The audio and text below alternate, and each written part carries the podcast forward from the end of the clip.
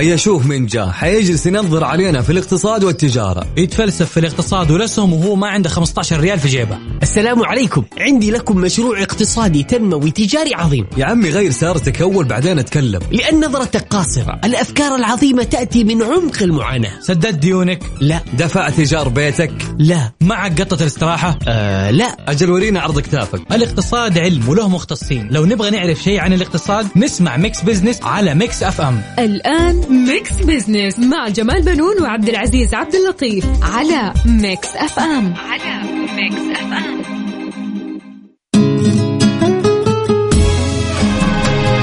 لحظة عنك ما نغي صوتك الدافي في صداك الشاعري يلتقي خل وحبيب نسمع الفن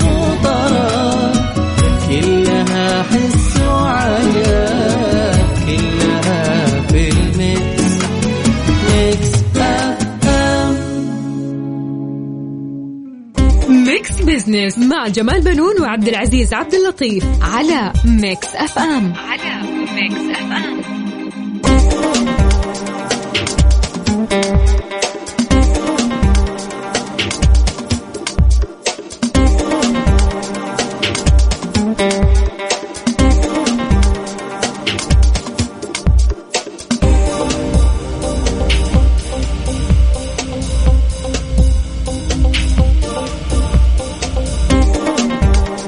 أهلا ومرحبا بكم مستمعين أنا جمال بنون أحييكم من Mix FM وبرنامج Mix Business. أرحب بزميلي يوسف مرغلاني الذي يشاركنا التقديم. مرحبا يوسف. يا أهلا وسهلا. مساء الخير. يعني عدت اليوم معك أستاذ جمال نورت وهذه فرصة كبيرة أيضاً. الحقيقة يعني عظيمة يعني بالنسبة للسادة المستمعين. فيك واهلا وسهلا بكل المستمعين مستمعين Mix FM. نحن معاكم في برنامج Mix Business الأسبوعي. كل يوم أحد نكون معاكم من الساعة 2 إلى الساعة 3 المساء. يعني راح نكون معاكم في آخر الأخبار الاقتصادية اللي تخص أكيد الجميع وأيضا راح نسهل لكم رؤية 2030 ونسهل لكم أكيد المشاريع اللي ممكن نسمع عنها وتهمنا أكيد. صحيح يوسف. آه خلينا نبدأ مشوار حلقتنا اليوم يوسف بالخبر الأحدث. آه توقعت شركة Capital Economics أيوه. أن يسجل الاقتصاد السعودي نمو ب 10% في العام الحالي. آه، تأتي هذه التوقعات على خلفية أرقام نمو الاقتصاد السعودي للربع الأول والتي أشارت إلى زيادة بنسبة 9.6% على أساس سنوي في أفضل قراءة للنمو منذ العام 2011 طبعا ترى Capital Economics آه، إنه هذه آه، وهذا الأداء القوي للاقتصاد راح يستمر بقية 2022 على خلفية ارتفاع أسعار النفط والتوقعات بتبني سياسة مالية أكثر مرونة. بحسب طبعا ما ذكرت الشركة البريطانية إنه إنتاج المملكة من النفط وصل ل 10.35 مليون برميل يوميا في أبريل، هذا طبعا يترجم بزيادة تفوق 27% على أساس سنوي وهي أسرع وتيرة آه، لزيادة الإنتاج من مارس من عام 2003 شيء كويس. أنت. عارف إنه إحنا في خلال 2019 مهم. آه، يعني آه، كان آه، يعني الاقتصاد السعودي كان نازل نتيجة ال- جائحة كورونا. بالضبط. انخفاض الطلب أيضا. صح وانخفاض الطلب عليه. من جهة أخرى يوسف طبعا تستضيف الرياضة اليوم أول مؤتمر دولي للذكاء الصناعي. آه، والحوسبة آه، السحابية لمدة ثلاثة أيام بمشاركة رؤساء قطاعات التقنية في الشركات الحكومية والخاصة المحلية والعالمية. جميل. أيضا راح يشمل أو يشتمل المؤتمر في مركز الرياض الدولي للمعارض والمؤتمرات على مجموعة شاملة من الأفكار والابتكارات والتطورات اللي تواكب الثورة التقنية وعدد من الندوات لمجموعة من المتحدثين من مختلف دول العالم بينها مناقشة الانتعاش التقني اللي يعيشه العالم نتيجة لاستخدام عالم الذكاء الاصطناعي اللي راح يحدث ثورة في جميع جوانب الحياة والعمل والتنقل والطب والاقتصاد والاتصالات وأيضا راح يشمل التجمع أهم التقنيات الصاعدة مثل علوم البيانات الذكاء الصناعي أو الاصطناعي إنترنت الأشياء والأمن السيبراني. صحيح كما يشمل التجمع آه، أهم التقنيات الصاعدة آه، وأيضا وتستحوذ السعودية إحنا نعرف أنه على حصة آه، الكبرى في. سوق الصناعات الرقمية في المنطقة نتيجة تبنيها المستمر لخطط التحول الرقمي بما يخدم رؤيتها 2030 حيث سعت إلى تمكين الذكاء الاصطناعي في مجال التعليم العالي والمتوسط وتشير دراسات حديثة أعدتها شركة اكسنشر الأمريكية إلى أن الذكاء الصناعي والحلول المستندة إليه يضيفان 215 مليار دولار إلى اقتصاد السعودية بحلول عام 2035 ليمثل ذلك زيادة بنسبة 12.5% من قيمة الناتج المحلي بينما ستكون الإضافة الأكثر لقطاع الصناعة والخدمات العامة. عظيم جدا. آه، اذا راح نكون معكم في آه، أحدث وأجمل من هذه المواضيع. آه، أستاذ جمال نطلع لفاصل ونذكر أيضا آه، المستمعين باليه التواصل. لو عندهم أي استفسار أو أي مشاركة هي على الواتساب الخاص بمكس إف إم على 054 88 11 700 آه اذا آه الفاصل وأكيد بعدها مكملين.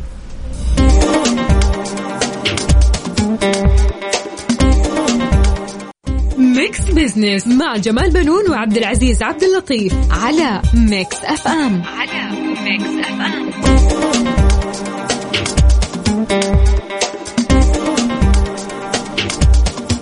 حياكم الله من جديد. يا أهلا وسهلا فيكم. مكملين في برنامج Mix Business أنا يوسف المرغلاني وأيضا زميلي الأستاذ جمال بنون. أهلا وسهلا فيكم من جديد. أهلا وسهلا يوسف. أهلا بالسادة المستمعين. حياكم الله. أكيد نحن رجعنا لكم أكيد في فقراتنا ال ال أكيد اللي تعرفوها في Mix Business في فقرة على السريع اليوم راح نستعرض أبرز الأحداث والأخبار الاقتصادية وراح نعلق على بعض منها. أيضا في فقرة حسبة ونسبة اليوم عندنا سؤال مطروح على مواقع التواصل الاجتماعي وحساب Mix FM على تويتر. سؤالنا اليوم يقول يا أستاذ جمال. نعم السؤال اليوم يعني صراحة يعني ممكن يكون إيش؟ آه، محفز للموظفين. حلو. آه، وأيضا يعني نستمع إلى آرائهم. السؤال يقول من هو المدير المفضل لديك؟ أن يقوم بالعمل بنفسه شخصيا مع فريق العمل أم يكتفي بالتوجيه فقط؟ يعني مدير أوه. يعطي أوامر ويت- ويترك الفرصة للموظفين أم أنه هو ينزل يشتغل معهم؟ أنت إيش رأيك؟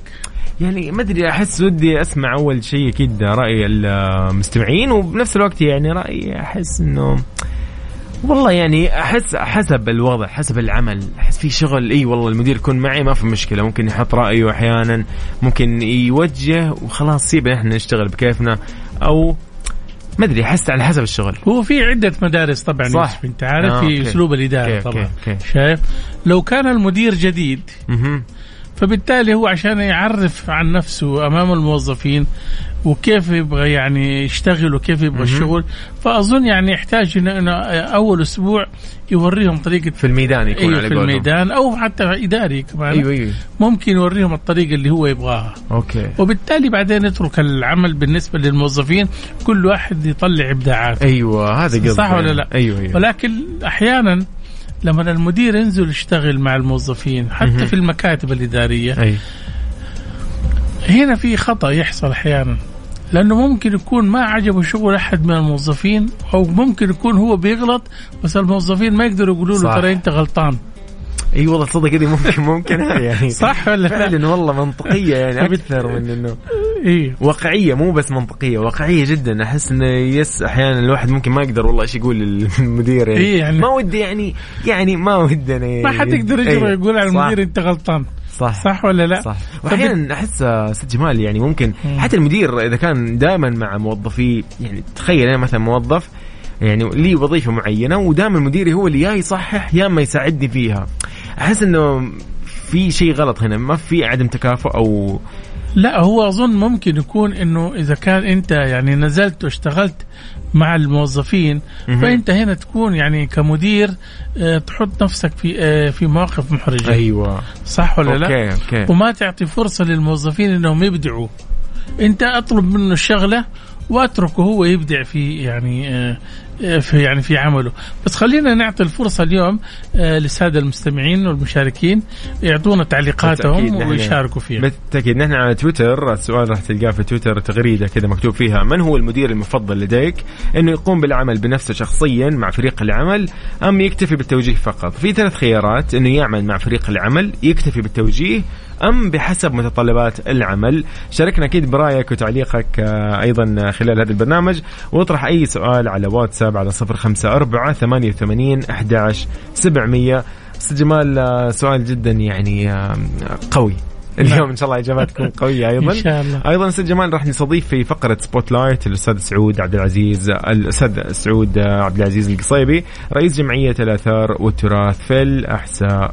فراح يتعرف كثير على أحدث جمعية تهتم بالآثار والتراث في منطقة الأحساء وتساهم في رفع عدد السياح والمهتمين بالتراث.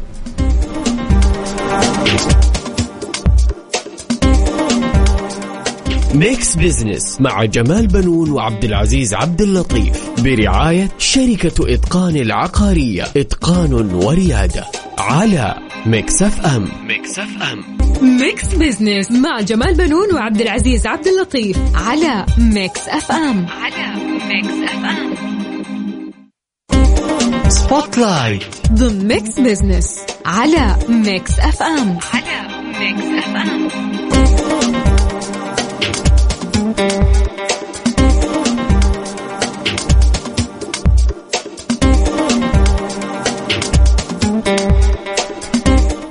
أهلا بكم مستمعينا من جديد في Mix Business طبعا آه، يوسف آه، أطلقت آه، أطلقت في الإحساء أحد مدن المنطقة الشرقية أحدث جمعية تهتم بالتراث والآثار ويعني حتدعم في رفع حصة السياحة في مجال السياحة وتساهم في إنشاء معارض عالمية للآثار والتراث.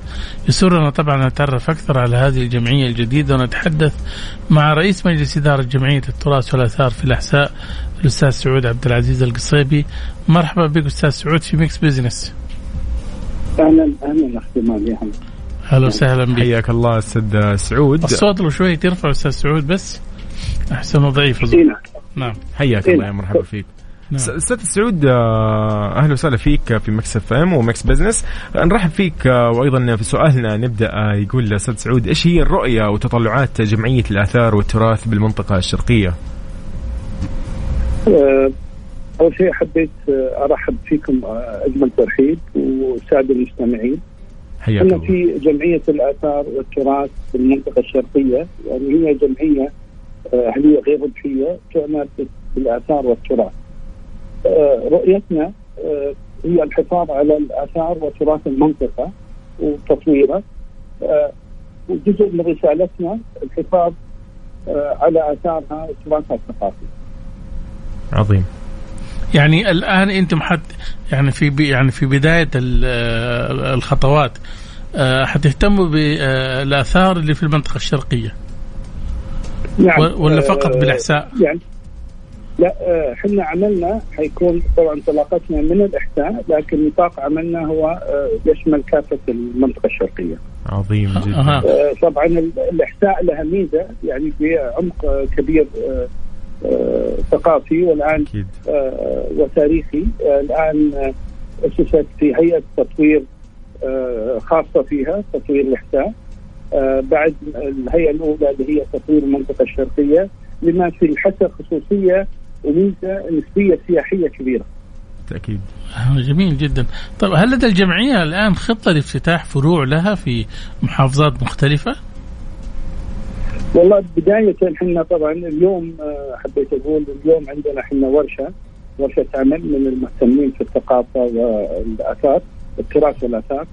آه، بكرة عندنا آه، افتتاح في الغرفة التجارية المكتب أول مكتب لنا.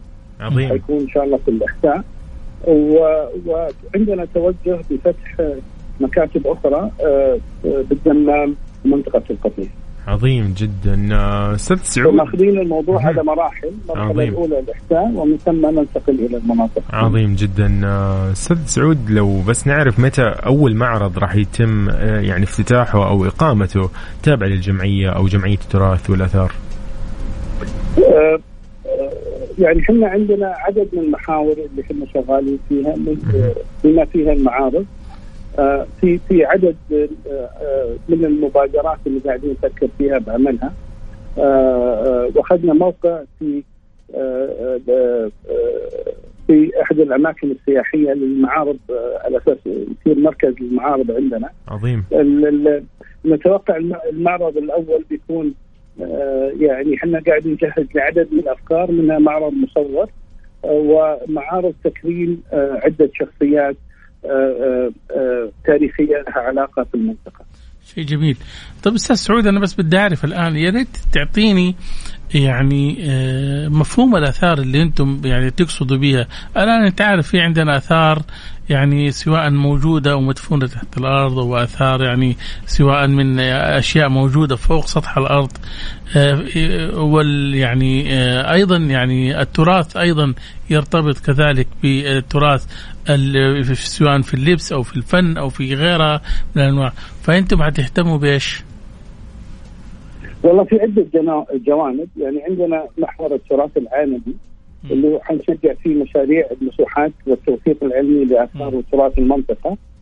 وعندنا آه، محورين آخرين لها علاقة بالتراث المادي وغير المادي اللي لها علاقة في المناطق القديمة ترميم المباني الأثرية القديمة والمساجد التاريخية. عظيم. آه، آه، ومنها الأشياء اللي اللي زي الرواية الشفهية والأصول الثقافية. المنطقة فيها الكثير من الآثار آه، عدد آه، ضخم في الواقع آه، من الآثار اللي لم تنقب وتكتشف بعد.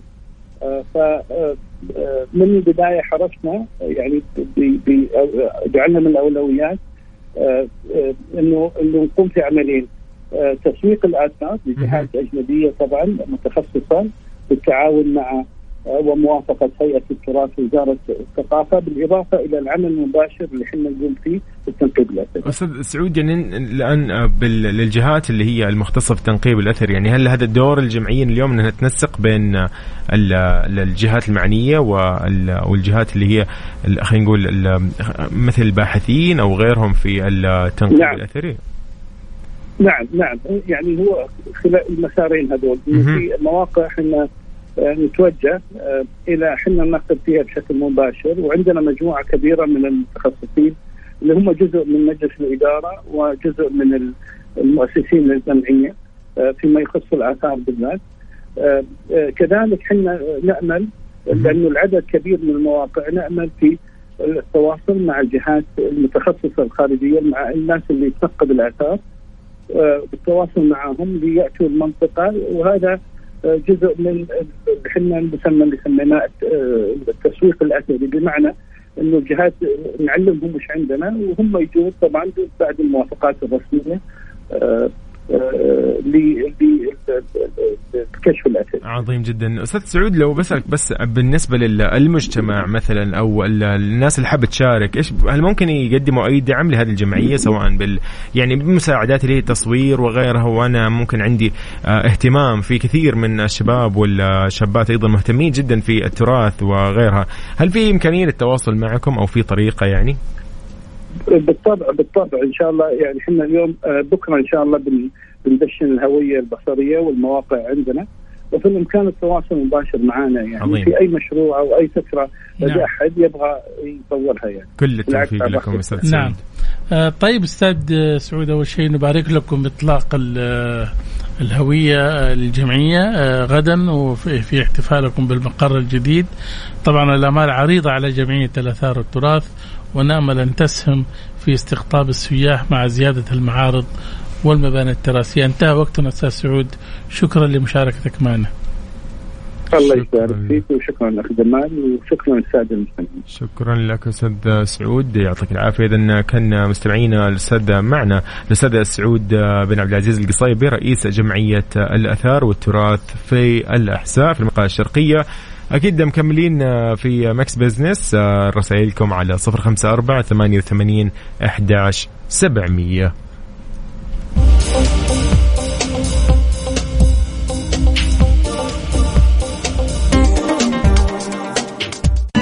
بدنا نذكركم بسؤالنا لليوم موجود أكيد على تويتر على Mix FM Radio راح تلقى سؤالنا. يقول لك من هو المدير المفضل بالنسبة لديك؟ إنه يقوم بالعمل بنفسه شخصيا مع فريق العمل أم يكتفي بالتوجيه فقط؟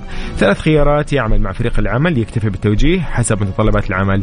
شاركنا أكيد برأيك وتعليقك خلال برنامج Mix Business. أيضا على صفر خمسة أربعة ثمانية وثمانين أحداش سبعمية. ودنا نعرف اليوم أنت إيش رأيك وإيش أفضل يعني مدير بالنسبة لك؟ Mix Business مع جمال بنون وعبد العزيز عبد اللطيف على Mix FM على Mix FM على السريع. ضمن Mix Business على Mix FM على Mix FM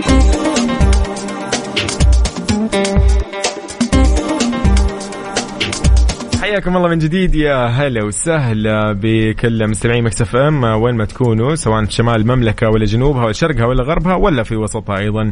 رحب فيكم أنا يوسف المرغلاني وأيضا زميلي الأستاذ جمال بنون. أهلا وسهلا. أهلا وسهلا يوسف واهلا بالساده المستمعين. حياك الله. أيضا اليوم في على السريع عندنا أحد أهم الأخبار الاقتصادية. راح نتكلم عن مبادرة مستقبل الاستثمار اللي كشفت عن إطار ومنهجية التصنيف الشامل للاستثمار. نعم طبعا يقول لك الخبر كشفت مؤسسة مبادرة مستقبل الاستثمار النقاب عن إطار ومنهجية التصنيف الشامل للاستثمار في الحوكمة البيئية والاجتماعية وحوكمة الشركات الذي يهدف لإثراء الاستثمارات في الحوكمة البيئية والاجتماعية وحوكمة الشركات بالمعلومات وتسريع وتيرتها في الاقتصادات الناشئة. طبعا جاء ذلك خلال قمة الحوكمة البيئية والاجتماعية وحوكمة الشركات ESG في الأسواق الناشئة اللي نظمتها المبادرة في فندق لندن بمشاركة أو بمشاركة محافظ صندوق الاستثمارات العامة رئيس مجلس إدارة مؤسسة مبادرة مستقبل الاستثمار الأستاذ ياسر رميان وعدد من الخبراء في الشأن ورؤساء مؤسسات وشخصيات رسمية من 40 دولة حول العالم. طبعا آه، في خبر أيضا مهم آه، السعودية آه، حتصنع 300 ألف سيارة في المملكة في 2030 طبعا هذا الخبر مفرح الحقيقة يوسف لأنه يعني وزير الصناعة أعلن أنه إدارة صندوق التنمية الصناعية أو أن المملكة العربية السعودية تستهدف صناعة أكثر من 300 ألف سيارة سنويا بحلول عام 2030 طبعا أكد آه، المعالي الوزير وزير الصناعة والثروة المعدنية رئيس مجلس إدارة صندوق التنمية الصناعية بندر بن إبراهيم الخريف إنه صناعة السيارات تعد من الملفات المهمة اللي راعتها الاستراتيجية الوطنية للصناعة لأنها من الصناعات المعقدة اللي تسهم في تطوير سلاسل الإمداد للعديد من المنتجات. أوضح طبعا الخريف خلال حفل وضع حجر الأساس لمصنع شركة لوسيد في مدينة الملك عبد الله الاقتصادية برابغ إن المملكة تستهدف صناعة السيارات لتغطية الطلب المحلي والتصدير عالميا. أكد أيضا انه حجم الإنفاق على السيارات في المملكة خلال عام 2020 وصل لما يقارب إلى 40 مليار ريال. أستاذ جمال الرقم كبيرة كبير جدا. فيما يقول لك يتجاوز حجم السوق السعودي أكثر من نصف مليون سيارة سنويا. أيضا رقم كبير. لا لا تنسى كمان عدد السكان كثير. والحمد لله شوف شبكة الطرق اللي عندنا ساعدت. وكمان لا تنسى إحنا يعني آه، نعتمد على السيارة صح. في كل تنقلاتنا. يعني أي. ما في أحد يركب قطار إلا قليل. أيوه أيوه أيوه صح ولا لا؟ فبالتالي استخدام السيارة الشخصية في تنقلاتك سواء في العمل أو التنزه أو حتى السفر ما بين الم- المدن والمناطق. هذه تخلي استخدام السيارة آه، يعني أكثر يعني آه، طلب عليها. والحمد لله اليوم اليوم أنت تمشي في آه، يعني تقطع ما بين الشمال والجنوب بكل أمان. ما صحيح. في لا قطاعين طرق لا في حرامية ولا في شيء. الحمد لله أمن وأمان. فبالتالي انت بالفعل يعني تساعدك إنه اي بالضبط. آه، بس أنا أشوف برضه أستاذ جمال الفقر الفترة الجاية مع مع من مستهدفات أو أهداف الرؤية إنه يكون آه، يعني الاعتماد على ممكن راح يكون في مثلا خلينا نقول أنسن الطرق يعني. فأحس إنه راح يعني يحفزك تمشي أكثر من استخدامك السياره إيه، أنا أقصد إنه في استخدامنا مثلا الآن نطلع من المكتب بروح الصيدلية القريبة مثلا المكتب أو المطعم القريب جدا قليل ما أفكر إني أمشي إلا إذا الجو لطيف. لكن إذا أتوقع الطريق كان يعني مرصوف تماما الأشجار حولك هذا أتوقع ان هذا يساعدك إن أنت ما تستخدم السيارة في هذه بس الفقرة. الفقرة إنه مثلا تروح من المكتب إلى والله صيدلية إلى البقالة إلى مثلا سوبر ماركت اللي بجنب الدوام. أحس هذه يعني ممكن تساعد عشان الجو ما كمان لا يساعد. تنسى كمان يوسف تدخل فيها جوده جودة الحياة لازم إي بالفعل لازم أنت عشان تقطع يعني من البيت لين البقال عشان تروح مهم. لازم الطرق فيها ما يكون فيها حفريات صحيح ما في عمود كهرباء سلك وعريان باين بالضبط. عرفت أيوة، أيوة، ممكن أيوة،. يعني يضر بالأطفال ولا شيء أيوة، ولا. حاجة صح ولا الأشياء لا آه. تسمح للكفيف إنه يقدر يمشي. صحيح. صح؟ والمعاق يقدر يحرك عربيته. مهم. إحنا الآن للأسف الشديد في البيت الواحد اليوم المعاق ما يجد يعني آه، أي- وسائل السلامه حقته مو صح ولا لا؟ بالفعل. فبالتالي اليوم يعني عشان إحنا نستغني عن ال- يعني أنسنة الطرق زي ما مهم. أنت تفضلت والشوارع أو المدن هذه تحتاج إلى متطلبات آه، كثيرة. وتتشارك فيها جميع الجهات. الإدارات والجهات بالفعل. إحنا بدأنا نشوف ملامح الحمد لله في كثير من المناطق والمدن. محدودة جدا. إي محدودة. هي تعتبر محدودة. لكن يعني أحس إنه على سنين ممكن إي. تمام الين 2030 ممكن. جميلة حتكون حس رائع. الواحد يمكن لو لو بدأ فعلا يعتمد على إنه يمشي يعني دائما مع إن الجو أستاذ جمال الجو الجو ما أتوقع في 2030 بتغير ابدا. طيب بعيدا أيضا أخبارنا عنوان الأخير في قائمة على السريع أستاذ جمال إنه المملكة تشارك في المنتدى الاقتصادي العالمي 2022 طبعا شارك السعودية في اجتماعات المنتدى الاقتصادي العالمي آه، 2022 التي ستعقد في مدينة دافوس السويسرية. طبعا بدأت آه، من اليوم وحتنتهي آه، يوم 26 مايو آه، الجاري طبعا. تحت عنوان التاريخ عند نقطة تحول السياسات الحكومية واستراتيجية الأعمال. طبعا أنت عارف يوسف المنتدى ده آه، منتدى عالمي وبيحضروه رؤساء دول. بالفعل. أكيد يرأس وفد المملكة وزير الدولة عضو مجلس الوزراء الدكتور إبراهيم بن عبد العزيز العساف. يضم الوفد أكيد وزراء الخارجية والاستثمار والمالية والاتصالات والاقتصاد والتخطيط. أيضا والأميرة هيفا بنت محمد مساعدة وزير السياحة. راح يشارك الوفد في حوارات هادفة جدا مع شركائه الدوليين اللي راح يشاركوا في العديد من الجلسات العامة والخاصة بهدف إنه يطوروا حلول فعالة للتحديات العالمية. من ضمنها طبعا تغير المناخ والأوضاع الاقتصادية والنقص في أمن الإمدادات العالمية والمخاطر الجيوسياسية وأمن الطاقة فضلا عن المخاطر المستمرة لجائحة كوفيد 19 نعم بالفعل مؤتمر مهم. تأكيد وأصبح منتجع أي. سياحي أنت عارف دافوس أيوه هو بالفعل. منتجع أنت عارف.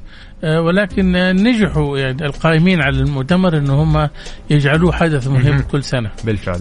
بالفعل. اذا أكيد نحن مكملين ونذكركم من جديد بسؤالنا آه، اللي نحن طرحناه على تويتر. شاركنا أكيد في هذا يعني في ثلاث خيارات موجودة. آه، سألناكم فيها إنه من هو المدير المفضل لديك؟ اللي يعمل مع فريق العمل ولا اللي يكتفي بالتوجيه؟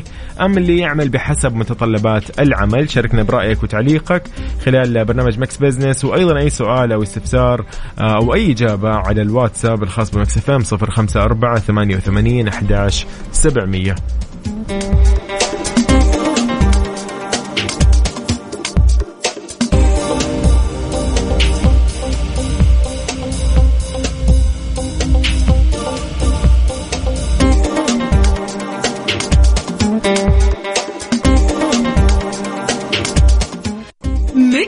Business مع جمال بنون وعبد العزيز عبد اللطيف على Mix FM على Mix FM حسبة ونسبة. ضمن Mix Business على Mix FM على Mix FM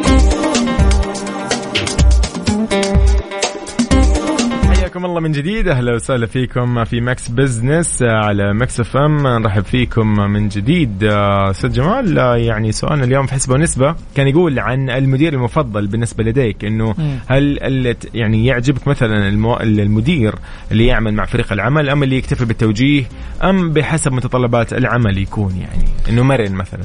نعم شوف أنا أنت لو أخذت رأيي حقول لك حسب متطلبات العمل. حلو. اجابه دبلوماسية أنا شايفها. عارف ليش؟ لأنه أحيانا إذا كنت مدير جديد تحتاج لك إنك أنت إيش؟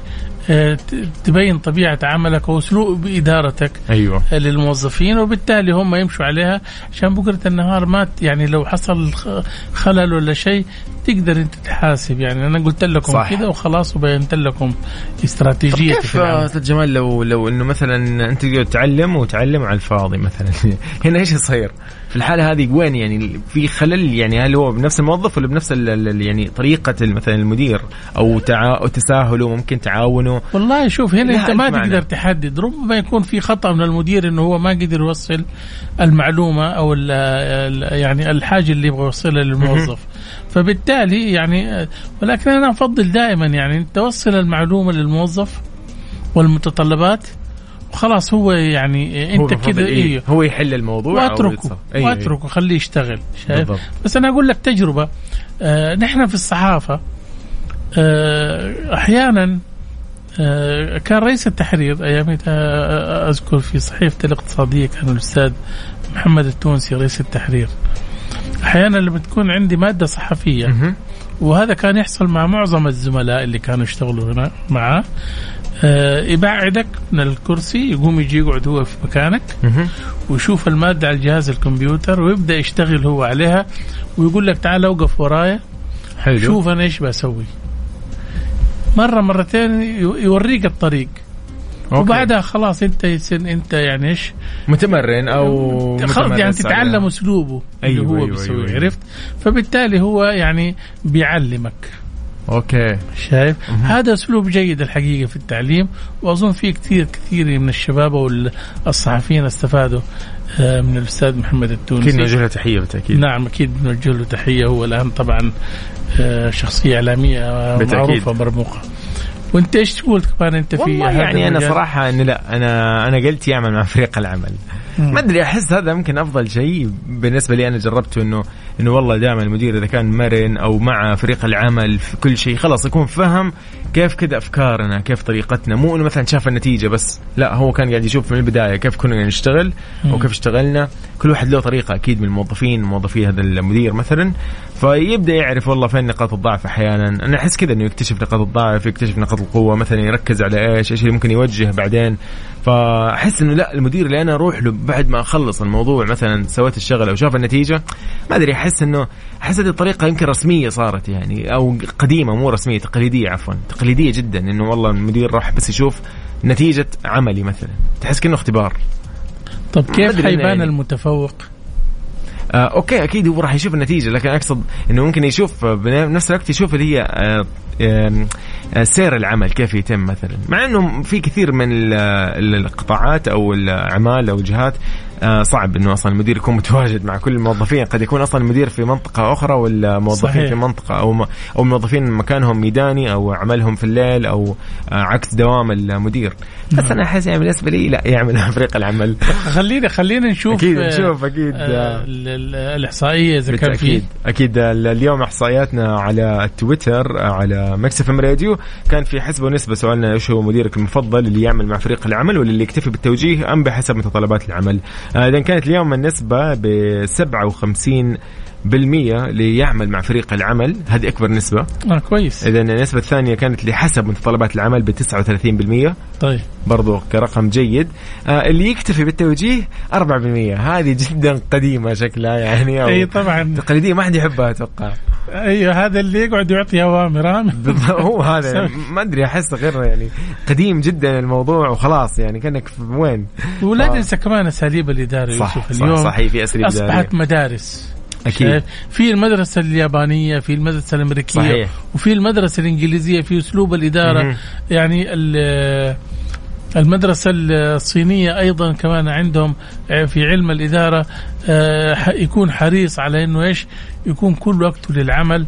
آه، بينما في المدرسة البريطانية يحاول يطور من مهاراتك في العمل إذا كانت عندك يعني بعض ال- آه، الضعف في في في بعض ال- القدرات آه، إنك أنت ضعيف فيها فهو يحاول مثلا يدربك يأهلك آه، يجعل منك شخص متفوق دائما طبعا. عظيم والإجازة طبعا آه، آه، في المدرسة ال- اليابانية مهمة جدا هو حريص على إنك أنت آه، تكون يعني تحصل على إجازتك ومتى ما انتهى وقت الدوام عندك لازم تغادر مكتبك وتروح ترتاح.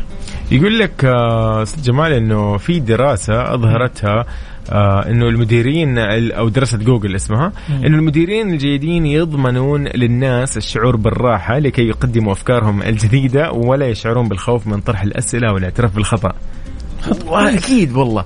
يعني فعلا إذا كان المدير كذا مو متساهل طبعا ضد المدير المتساهل لأنه راح يقع في بسبب التساهل هذا راح يقع بالإحراج أحس المدير المتساهل يقع بإحراج كيف من يعني. متساهل يعني ما يدقق عليهم؟ أيوه اللي هو ممكن قد يكون يعني ممكن ما عاد في رسمية يعني صار تماما اللي هو صديق أنا ما أنا ضد هذه الفكرة يعني لازم يكون المدير أيضا يعني كذا في حدود شوي يعني يفرق بين إنه صديق مع موظفه أو إنه يكون يعني رئيس مرؤوس عرفت علي؟ هو عادة على الموظف الصغير مم. هو اللي لازم يحسب الشيء ده صح لأنه عادة المدير هو عنده مثلا يعني إذا كان هو شخص يعني قريب من الموظفين فهو يحب يكون يعني رجل حميم. ومتواضع لكن الموظف الصغير اللي تحته لا يعتقد إنه هذا المدير صار صاحبه. لا أيوة. لازم يعطيه له كل الاحترام بالضبط. والتقدير. بالضبط. وأيضا كمان يعني يعطي له حقه في كل- والواجبات المطلوبة يعني كموظف إنه يعطيها للمدير. مو إنه مثلا يناديك وما تروح له مثلا يقول أيوة. لك انجز له الشغلة يقول لك لا خليها بكرة. شايف؟ غلط. على أساس إنه صاحبه يعني. عرفت؟ أيوه أيوه. هذا هذا هذا قصدي أنا من الفكرة هذه يعني. لكن يعني دائما نحن في النهاية ماشيين مع رأي أكيد المستمعين إنه اليوم كانت يعمل مع فريق العمل هي الإجابة الأفضل.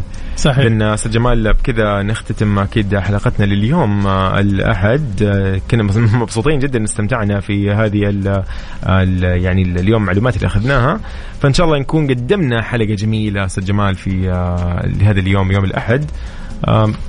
إن شاء الله بإذن الله. بإذن الله حاولنا نقدم وجبة يعني كاملة الدسم. فعلا. و- وسهلة الهضم شايف؟ وإن شاء الله الأسبوع المقبل عندنا آه، ضيوف جدد ومواضيع جديدة ومتابعة أول بأول لأهم الأخبار الاقتصادية. في. أمان الله. اذا كنت معكم أنا يوسف مرغلاني وزميلي الأستاذ جمال بنون إلى اللقاء. مع السلامة. في أمان الله. بأمان الله.